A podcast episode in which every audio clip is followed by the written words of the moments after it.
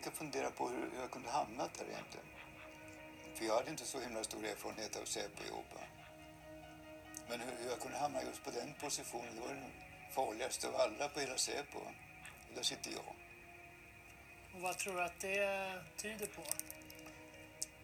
Ja, att det finns något mer förstås. Någon ytterligare spion? Ja, just det. Då så frågade många om jag inte ville ta över spaningsexpeditionen.